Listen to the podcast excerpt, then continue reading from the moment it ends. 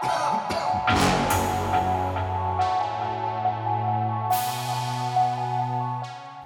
posle.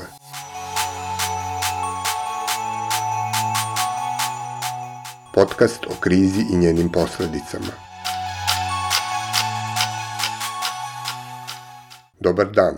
Ovo je treća epizoda Dana posle, specijalnog dnevnog podcasta koji se bavi društvenim i političkim posledicama pandemije koronavirusa kod nas i u svetu. Današnja tema biće nam ekonomija. Kao što znamo, radi ublažavanja ekonomskih posledica koronavirusa, pre neki dan je najavljeno da će svakom punoletnom državljaninu Srbije biti isplaćeno 100 evra. Međutim, tu uplatu građani mogu da očekuju tek nakon što se vanredno stanje završi, kad god to bude bilo. Umeđu vremenu je doneta preporuka vlade kojom se poslodavcima nalaže da zaposlenima na bolovanju ili u samoizolaciji zbog koronavirusa isplate 100 od 100 plate. Prethodno su zaposleni u kliničkom centru u Nišu, koji su upućeni na obaveznu samoizolaciju, bili obavešteni da će im plata biti smanjena za 35 od 100. Kako ne bi ostali bez subvencija koje sleduju kompanijama koje ne budu davale otkaze dok traje vanredno stanje, privatnici zaposlene prisiljavaju da iskoriste godišnji odmor.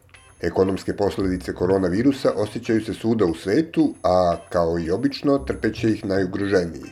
U Americi je broj građana koji se prvi put prijavljuju za nadoknadu za nezaposlene porastao oko 3000 odsto u odnosu na početak marta. Samo u poslednjoj nedelji marta se na biro prijavilo preko 6,5 miliona ljudi. U Austriji nije ništa bolje. Stopa nezaposlenosti je skočila na 12,2 odsto i trenutno je najviša posle drugog svjetskog rata – uprkos trudu austrijske vlade koja je kao i naša, predvidela set ekonomskih mera koje bi trebalo da motivišu poslodavce da zadrže zaposlene. Pritom se nezaposleni vide kao dobra prilika za eksploataciju. Austrija, Francuska, Hrvatska i druge zemlje Evropske unije apeluju na ljude koji su ostali bez posla da volontiraju na sezonskim poslovima u poljoprivredi. O svim ovim temama danas razgovaramo s Biljanom Stepanović, urednicom magazina Nova ekonomija –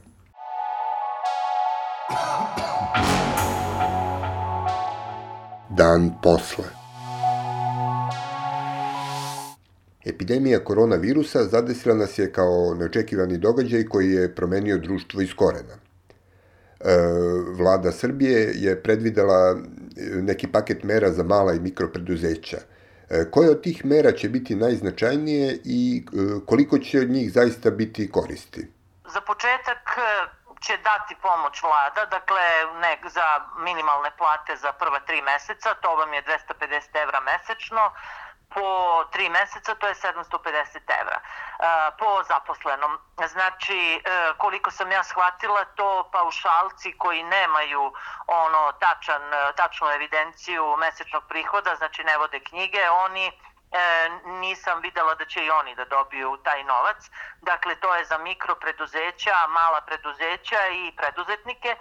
To je samo za prvu pomoć. Dakle, to je onoliko koliko je potrebno da se samo preživi dok traje ova kriza, da, da ti mali privrednici koji nemaju akumulaciju da plate sebi i zaposlenima, a, preguraju ova tri meseca, ali to nije stvar koja može da pomogne dugoročno, zato što ipak će na kraju svako morati da nastavi da posluje i da zarađuje novac. Dakle, država ne može da daje novac, dugoročno ona mora da uzima novac kroz poreze, doprinose i ostale dažbine da bi uopšte e, sistem funkcionisao. E, kroz medije se najviše provlačila i e, nekako najspektakularnije zvučala ona najava o ono, helikopterskom bacanju po, po 100 evra svakome.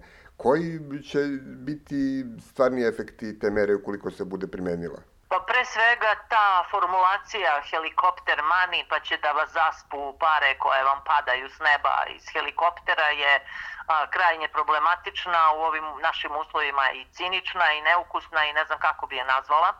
Dakle, nisam ja jedina koja a, o tome govori, o tome su govorili i članovi Fiskalnog saveta Srbije i ekonomisti i privrednici, da to nije dobra mera, da je to bacanje, kako je država izračunala, 520 miliona evra Cilj je očigledno bio da se taj novac potroši da, se, da ljudi dobiju taj novac i da ga potroše, da tako podstaknu potrošnju.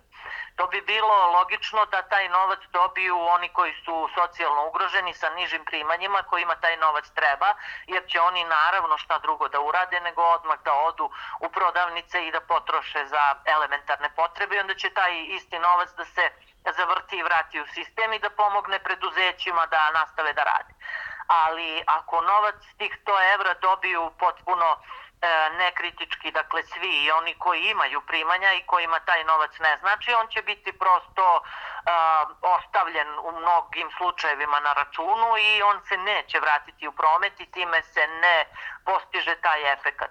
Ono što je očigledan efekat, propagandni već sada, jeste da narod očekuje e, taj novac, da e, će to taman zgodno da se poklopi verovatno i sa izborima, jer čim prođe kriza e, počeće predizborna kampanja i onda ja to vidim samo na taj način, jer e, se ovako odgovorna država prosto ne ponaša. Da, na kraju krajeva i Mišković je punoletan.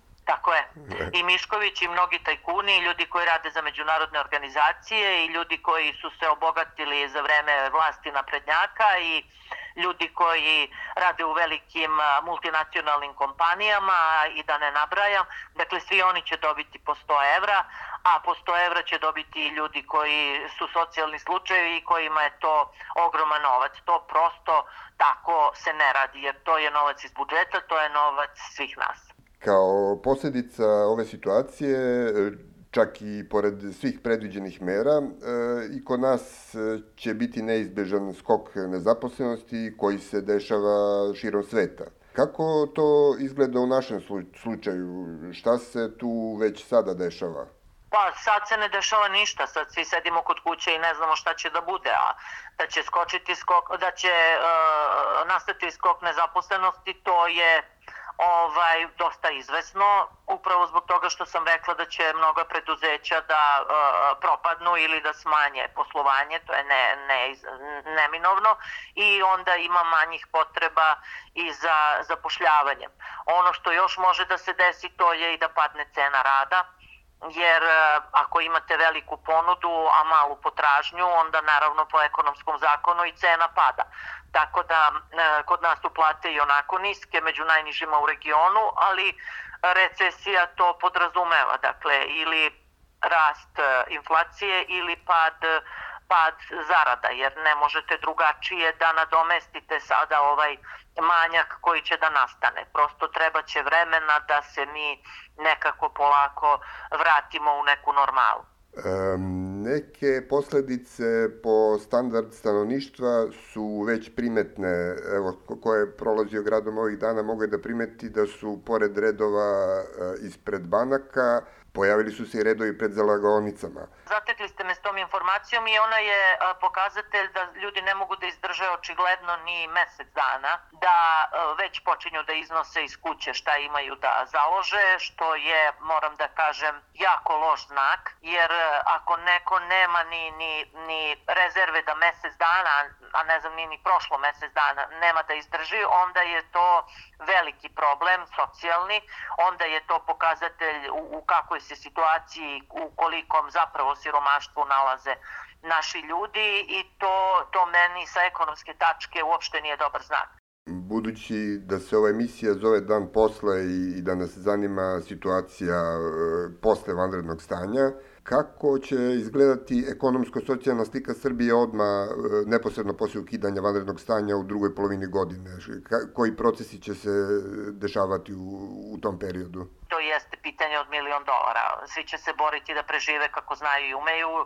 Privatnici će pokušavati da povrate svoj biznis zato da bi preživeli, a mm, velika preduzeća imaju sasvim druge mehanizme, mogu i da se zadužuju, mogu i da izdaju korporativne obveznice, ima načina, ali mm, kako bude celom svetu, teško, nama će biti, nije utešno, ali tako još teže, jer uvek se na siromašnima najviše i prelom. Pored očekivanog porasta nezaposlenosti, kakve strukturalne promene očekuju svetsku ekonomiju e, u danima posle korone? Pa to tako takođe nije za sada jasno i to niko ne zna. Jedni misle da svet neće moći da funkcioniše kako je do sad funkcionisao, da će morati da se uspostavi neka veća socijalna pravda, e, da nam priroda govori kako ovako više ne može jer smo je izrabljivali. Drugi opet kažu naprotiv, suprotna je stvar, ovde će tek sada biti centralizacija, tek sada će jaki da otkupljuju resurse od, od slabijih i siromašnijih za sitan novac, tek sada će da se koncentriše svetsko bogatstvo u, u a, rukama a, malog broja ljudi, kompanija, grupacija, tako da ja naravno ne znam, meni se ovo i kao i nama ostalima nije do sada dešavalo, tako da zaista ne bi mogla da kažem kako će da izgleda. To i jeste pitanje koje mori i sve a neke promene u načinu poslovanja i rada, tipa rad od kuće koje je sad e, postao nova norma, to jeste sada eksperiment koji možda bude pozitivna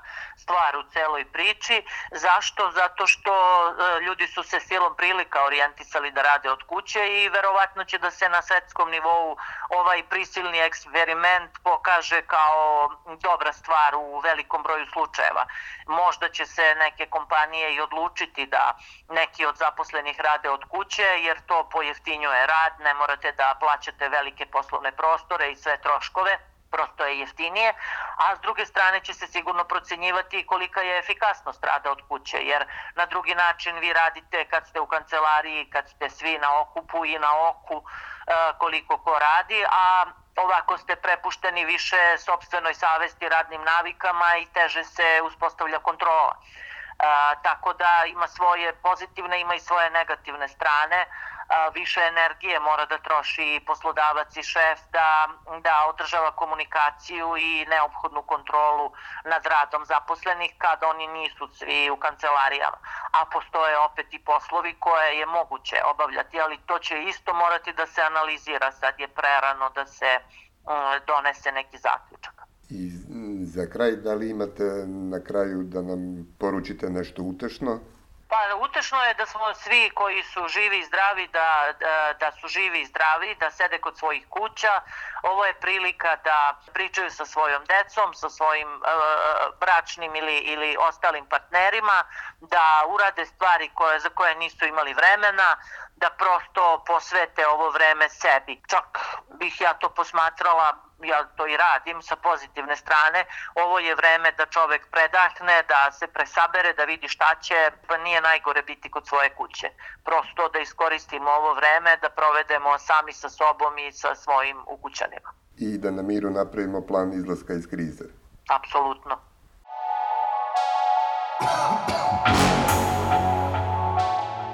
Dan posle.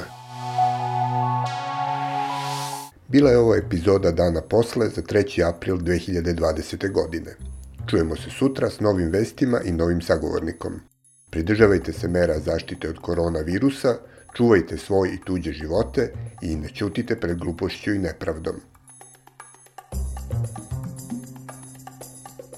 Dan posle je specijalno izdanje Tačke ključanja, autorskog podcasta koji se realizuje uz podršku građanskih inicijativa – Redakcija Ilir Gaši, Aleksandar Gubaš i Tara Petrović. Urednik i voditelj Aleksandar Gubaš. Muzika Zeifol i Ben Sound.